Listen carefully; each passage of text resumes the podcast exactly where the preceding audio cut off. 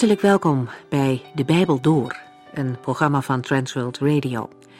De Bijbel Door is een radioserie die u in vijf jaar meeneemt door de hele Bijbel. Van Genesis 1 tot Openbaring 22.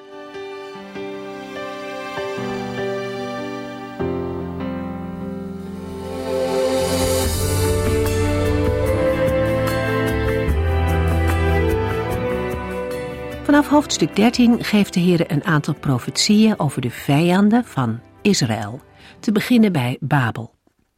Van dit machtige en vrede volk blijft niets over. Zelfs het nageslacht van de Babylonische heerser moet worden uitgeroeid, zodat zij nooit meer invloed op aarde zullen uitoefenen. De boodschap voor Juda is duidelijk. Een bondgenootschap met Babel zal hen niet redden van de Assyriërs. Zij moeten hun hulp van de Heere verwachten. En ook al zien ze hem niet, hij is toch de enige die hen werkelijk kan bevrijden. Achter de vrede Babylonische heerser zien we Satan, die de schepping van de Heere kapot wil maken. In de toekomst zal Babel het symbool zijn van alle volken en naties die zich verzetten tegen de Heere God. Maar de plannen van Satan zijn verijdeld en lukken niet. Jezus Christus is de overwinnaar. De volgende profetie is gericht tegen de Assyriërs, de wereldmacht in Jezaja's tijd. Opnieuw een vrede onderdrukker. Maar Juda wordt bemoedigd. De Heere zal hen zeker van deze vijand verlossen. En als de Heere dat zegt, dan is er niemand die hem kan tegenhouden.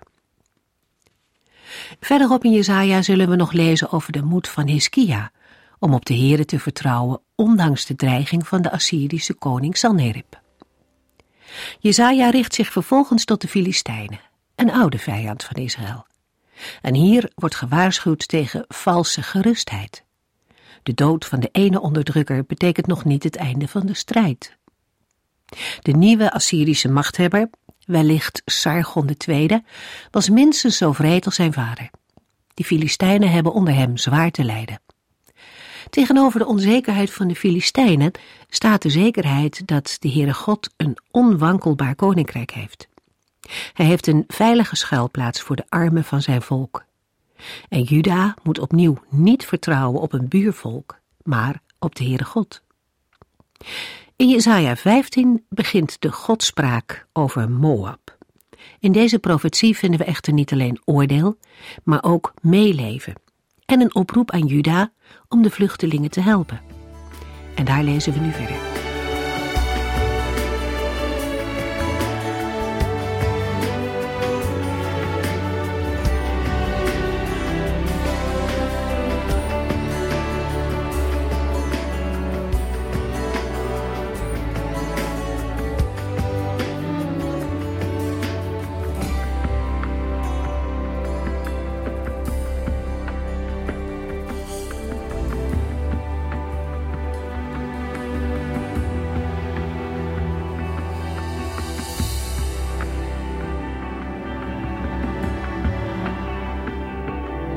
De vorige uitzending sloten we af met de woorden: De vluchtelingen steken met een klein overblijfsel de Wilgebeek over.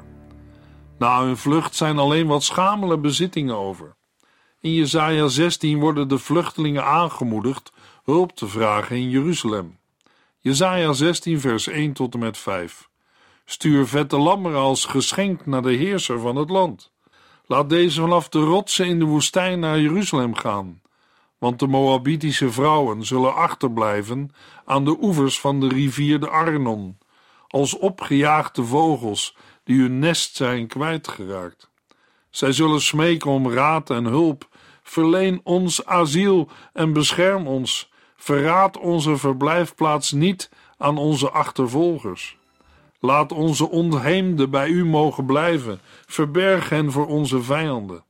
God zal u belonen voor de vriendelijkheid die u ons bewijst. Als u de Moabitische vluchtelingen toestaat zich onder u te vestigen, zal God als de terreur en onderdrukking voorbij zijn, Davids troon voor altijd laten bestaan.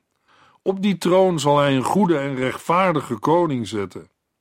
De profetie in Jesaja 16 is een voortzetting van Jesaja 15. Laten de heersers van Moab schapen of rammen sturen naar Jeruzalem met een roep om hulp. Voor Jeruzalem staat in de Hebreeuwse tekst naar de berg van de dochter van Sion. Sion is in Jezaja de plaats waar de Heer is en de tempel. Ook zullen in de toekomst de volken naar Sion gaan om de Heere te zoeken en te vinden. Er is niet veel meer van Moab over, want de dieren worden niet vanuit de hoofdstad, maar vanaf de rotsen de woestijn ingestuurd. De achtergrond voor het verzoek is de benarde situatie van Moab. De inwoners zitten als uit het nest gegooide vogels bij de doorwaadbare plaatsen van de Arnon. De Arnon is een belangrijke rivierbedding in Moab. Met dit beeld spreekt de profeet de inwoners van Jeruzalem indringend aan. Zij moeten tot een besluit komen over deze situatie. Jezaja spoort hen aan zorg te dragen voor de vluchtelingen uit Moab. En dat betekent vooral het geven van bescherming.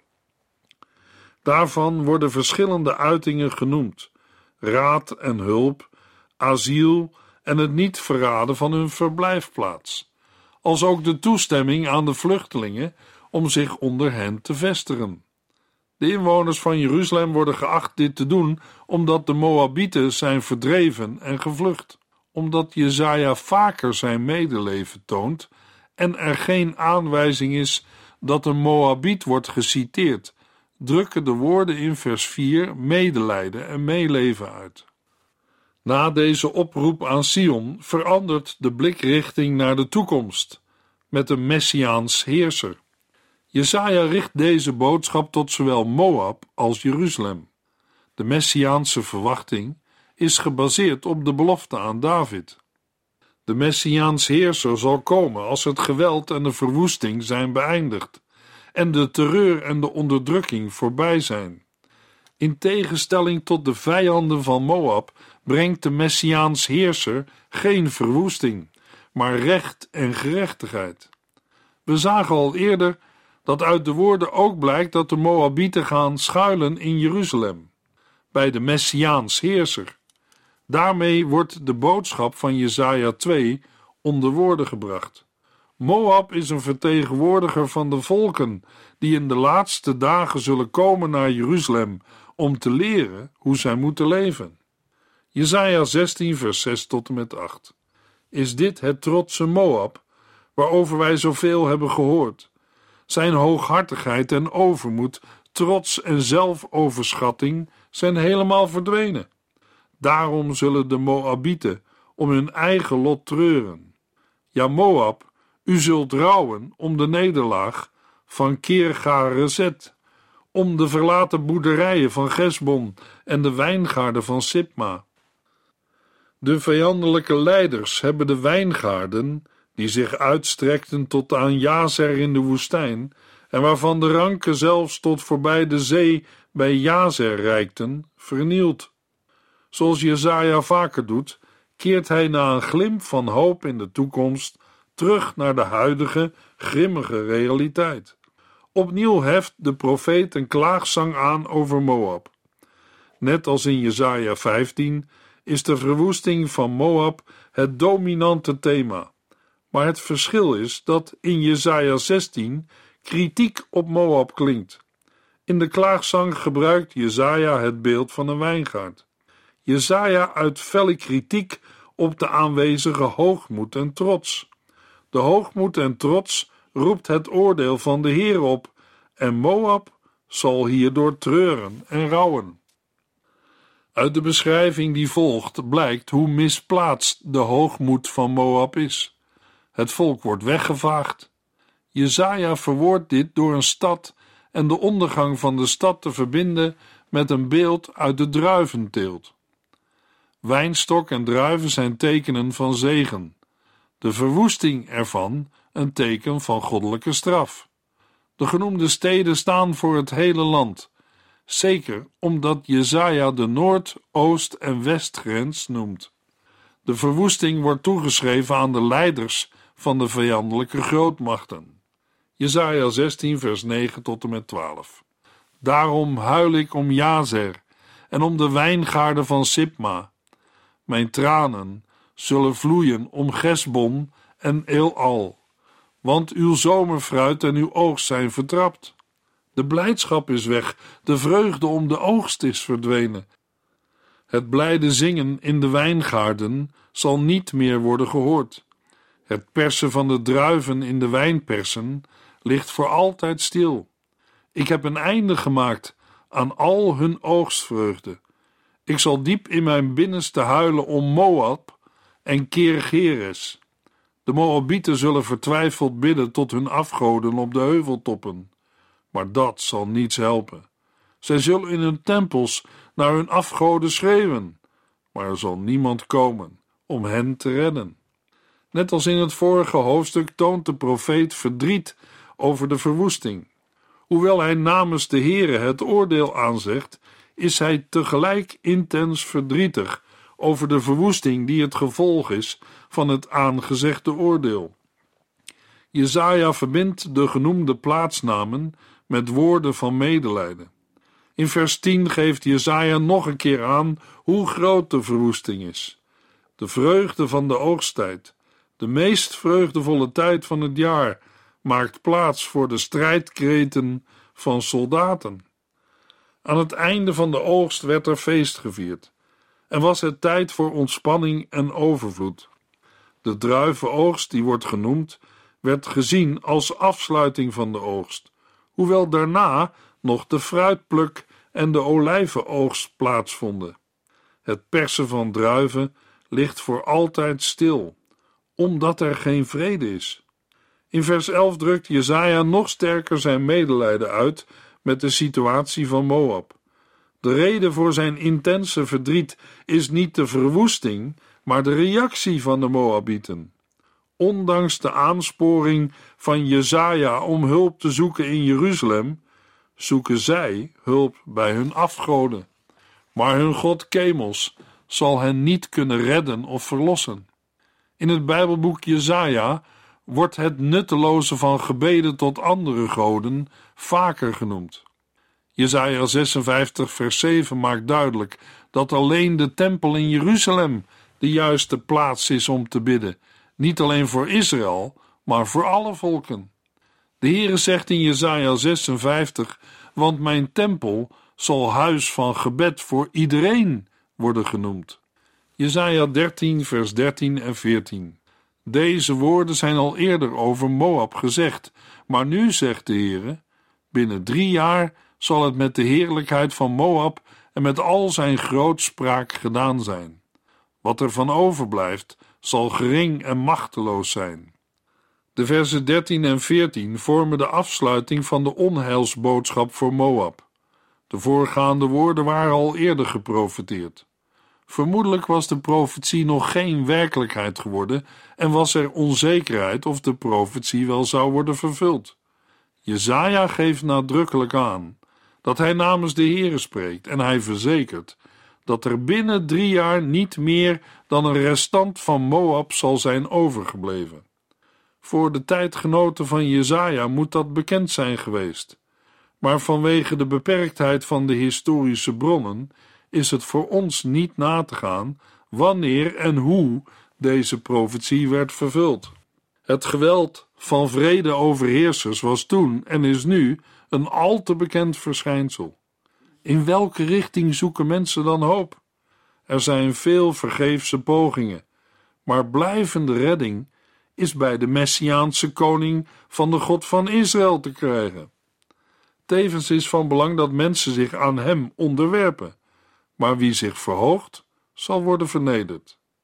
De belofte van een Messiaanse heerser komt uiteindelijk in Jezus Christus tot vervulling. Hij is degene die recht en gerechtigheid brengt. Aan hem is gegeven alle macht in hemel en op aarde. Jezaja kondigt het oordeel aan over Moab, maar heeft tegelijk medelijden. We vinden dezelfde houding ook bij de Heer Jezus. Hij huilt over Jeruzalem. Dezelfde houding wordt ook van gelovigen gevraagd. Jesaja 17 vers 1 Dit is Gods profetie over Damaskus, de hoofdstad van Syrië. Kijk, Damascus is verdwenen. Het is niet langer een stad, het is een puinhoop, een grote ruïne geworden. De profeet richt zich in Jesaja 17 tegen de machten ten noorden van Juda, Damascus en het tienstammenrijk Ephraim. Beide worden tegelijk beschreven omdat ze politiek samenwerken. De profetieën in Jesaja 17 zijn te dateren rondom de Syro-Eframitische oorlogen. Syrië en Israël vielen samen Juda aan om de koning te dwingen deel te nemen aan een coalitie tegen Assyrië. De Judese koning Agas riep tegen betaling de hulp in van de Assyrische koning. Deze kwam en versloeg Israël en Syrië, waardoor beide landen een grote slag werd toegebracht. Korte tijd later werd het tienstammenrijk in ballingschap weggevoerd. In Jesaja 17 vers 1 tot en met 6 wordt de verwoesting weergegeven. In de eerste helft gaat het over Damascus, in de tweede helft over het tienstammenrijk. Beide delen worden afgesloten met uitspraken van de Heere. De versen 7 en 8 en 9 tot en met 11 beginnen net als de Hebreeuwse tekst van vers 4 met op die dag en geven een nadere beschrijving van deze dag. Het eerste deel gaat over de verhouding tot de God van Israël en sluit daarin aan bij vers 6. De tweede omschrijving betreft de verwoesting van de stad, wat aansluit bij vers 2. De verhouding tot de Heere komt ook in dit gedeelte sterk naar voren. Jesaja 17 vers 2 en 3. De steden van Aruer zijn verlaten. Schapen liggen daar rustig en onbevreesd, want er is niemand die hen wegjaagt. De kracht van Israël en de macht van Damascus zullen ophouden te bestaan, en het restant van Syrië zal worden vernietigd. Het zal hen net zo vergaan als het de pracht van Israël verging, zegt de Heere van de hemelse legers. De stad Damascus zal veranderen in een puinhoop. De steden van Aruer zijn verlaten en worden bewoond door kudden schapen, want er is niemand die hen wegjaagt. Na deze woorden volgt er direct een vergelijking met Israël. Zoals de hoofdstad Samaria valt, valt ook het koningshuis van Damascus. Van hun grootsheid en macht blijft weinig over, en van beide volken blijft weinig over. Door de afsluiting is duidelijk dat het woorden van de Heere zijn, niet van de profeet Jezaja. De woorden bevestigen dat de Heere de geschiedenis in handen heeft. Het verloop van de geschiedenis laat de uitkomst van deze profetie zien. Jezaja 17 vers 4 tot en met 6 Ja, de glorie van Israël zal verbleken als de armoede het land binnenkomt. Israël zal er verarmd bij liggen, zoals de afgemaaide korenvelden in het dal van Ephraim. Och, slechts enkele van het volk zullen overblijven, net zoals de olijven die in de bomen achterblijven na de oogst, twee of drie in de hoogste takken, vier of vijf aan de buitenste twijgen. De ondergang van het noordelijke tienstammenrijk is het hoofdthema van de versen 4 tot en met 6. Eerst wordt het oordeel aangekondigd. De eer van Israël zal ten onder gaan en er zal weinig van overblijven. De gebruikte beelden veronderstellen dat er op het land weinig overblijft nadat de oogst is binnengehaald. Eerst halen de maaiers het graan binnen, en wat er dan nog overblijft, wordt door de armen opgeraapt. Het dal van Ephraim, een grote landbouwstrook vlak naast Jeruzalem, wordt nadrukkelijk genoemd, zodat de hoorder en lezer precies weten wat er wordt bedoeld. Een ander beeld komt uit de olijvenoogst. Veel vruchten vallen uit zichzelf naar beneden, maar er blijven wat restanten over, die meestal uit de boom worden geslagen. Hoewel de verwoesting groot zal zijn, is er tegelijk ook hoop, omdat er een rest overblijft. Jesaja 17, vers 7 en 8. En dan pas zullen zij aan God hun schepper denken en hun blik richten op de heilige van Israël. Op die dag zullen zij niet langer hun afgoden om hulp vragen, en zij zullen wat hun eigen handen hebben gemaakt niet meer aanbidden. De afbeeldingen van Asherah en de zonnegoden zullen hun niet langer respect inboezemen. In vers 7 en 8 wordt een nadere omschrijving gegeven van de toekomst, namelijk dat mensen zich van de afgoden afwenden naar de Here. Deze verandering wordt in een scherp contrast neergezet. De mensen zullen ontzag hebben voor de Here, die hen heeft gemaakt. Hij is de heilige van Israël. Zij zullen niet langer ontzag hebben voor de altaren, Asherah-palen en wierookaltaren die door henzelf zijn gemaakt. Dan zullen zij inzien wie daadwerkelijk de machtigste is, die de geschiedenis leidt en bestuurt. Jesaja 17 vers 9 tot en met 11 Hun grootste steden zullen net zo verlaten zijn als de verre beboste heuvels en de bergtoppen.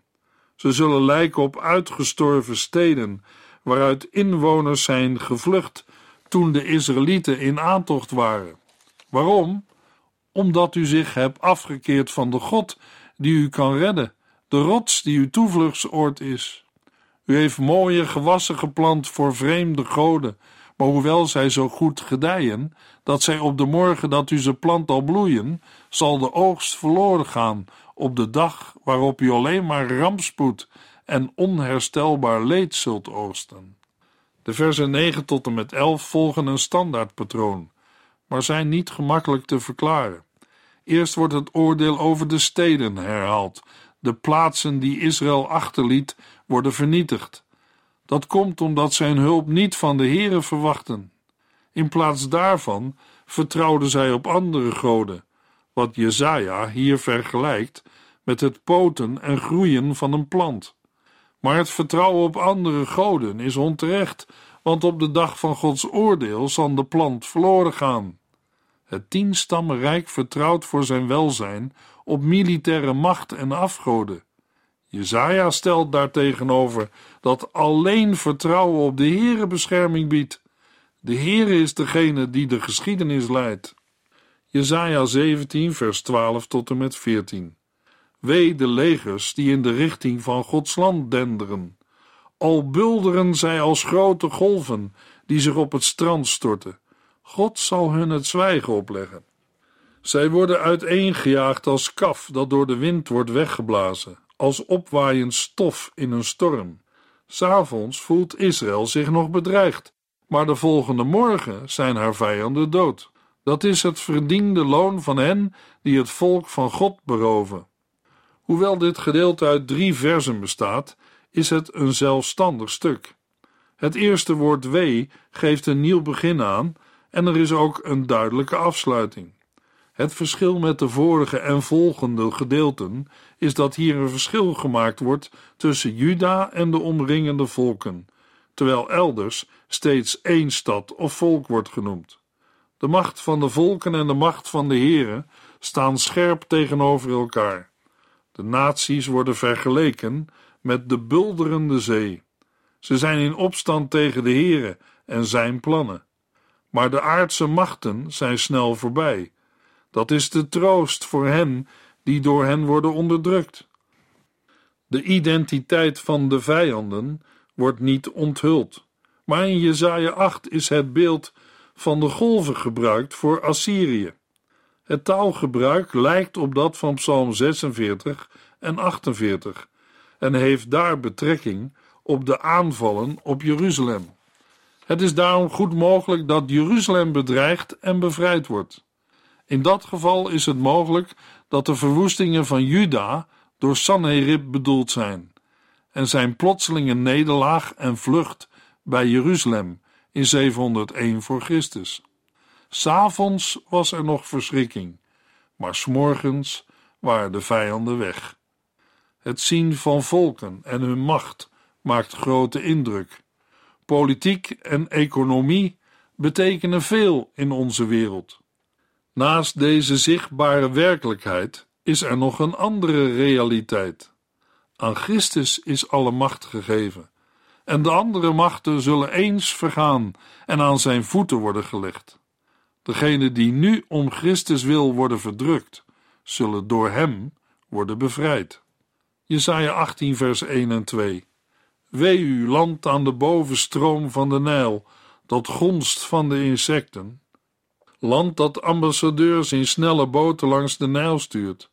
Laat uw snelle gezanten naar u terugkeren, naar een groot en soepel volk dat overal wordt gevreesd. Een veroverend en vernietigend volk, van wie het land verdeeld is door rivieren.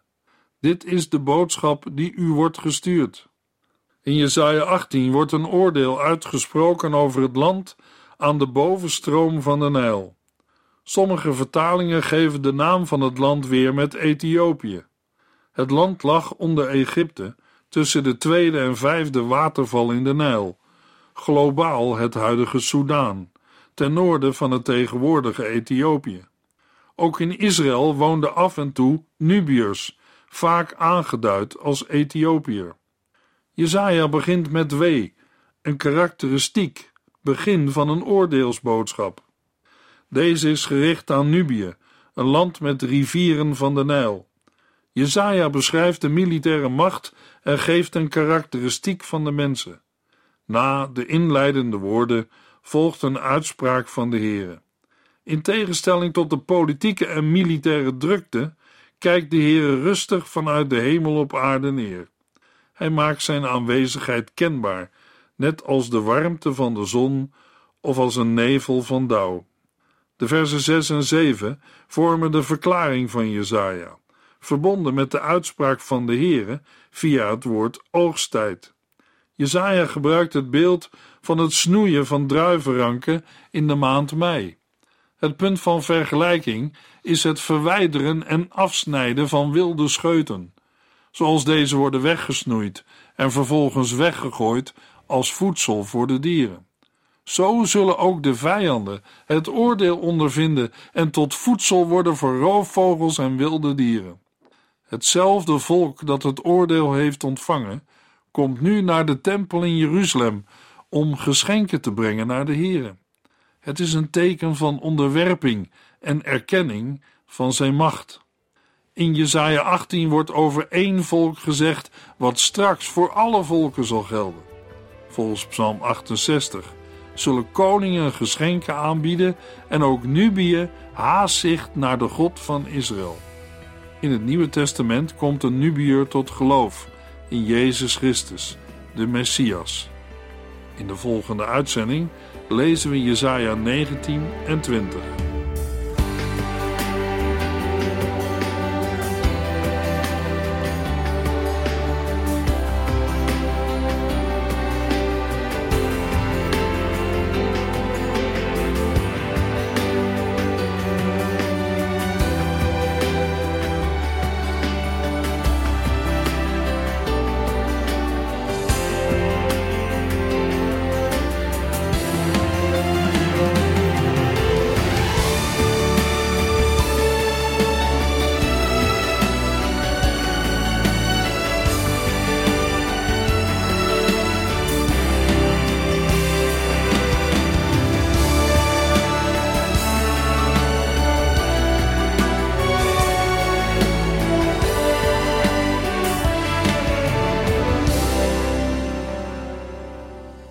Geluisterd naar De Bijbel Door. In het Nederlands vertaald en bewerkt door Transworld Radio. Een programma waarin we in vijf jaar tijd de hele Bijbel doorgaan. Als u wilt reageren op deze uitzending of u heeft vragen, dan kunt u contact met ons opnemen. Tijdens kantooruren kunt u bellen op 0342 47 8432. 0342 47 8432. 32. Ook kunt u een e-mail sturen naar de Bijbel door transworldradio.nl en natuurlijk kunt u ook via de post ons bereiken. TWR, postbus 371, postcode 3770, AJ in Barneveld. Dit programma werd gepresenteerd door Cor Weda en Ike André. Techniek was in handen van Odin van Woerdekom. En wij allemaal bedanken u voor het luisteren. Graag tot de volgende keer.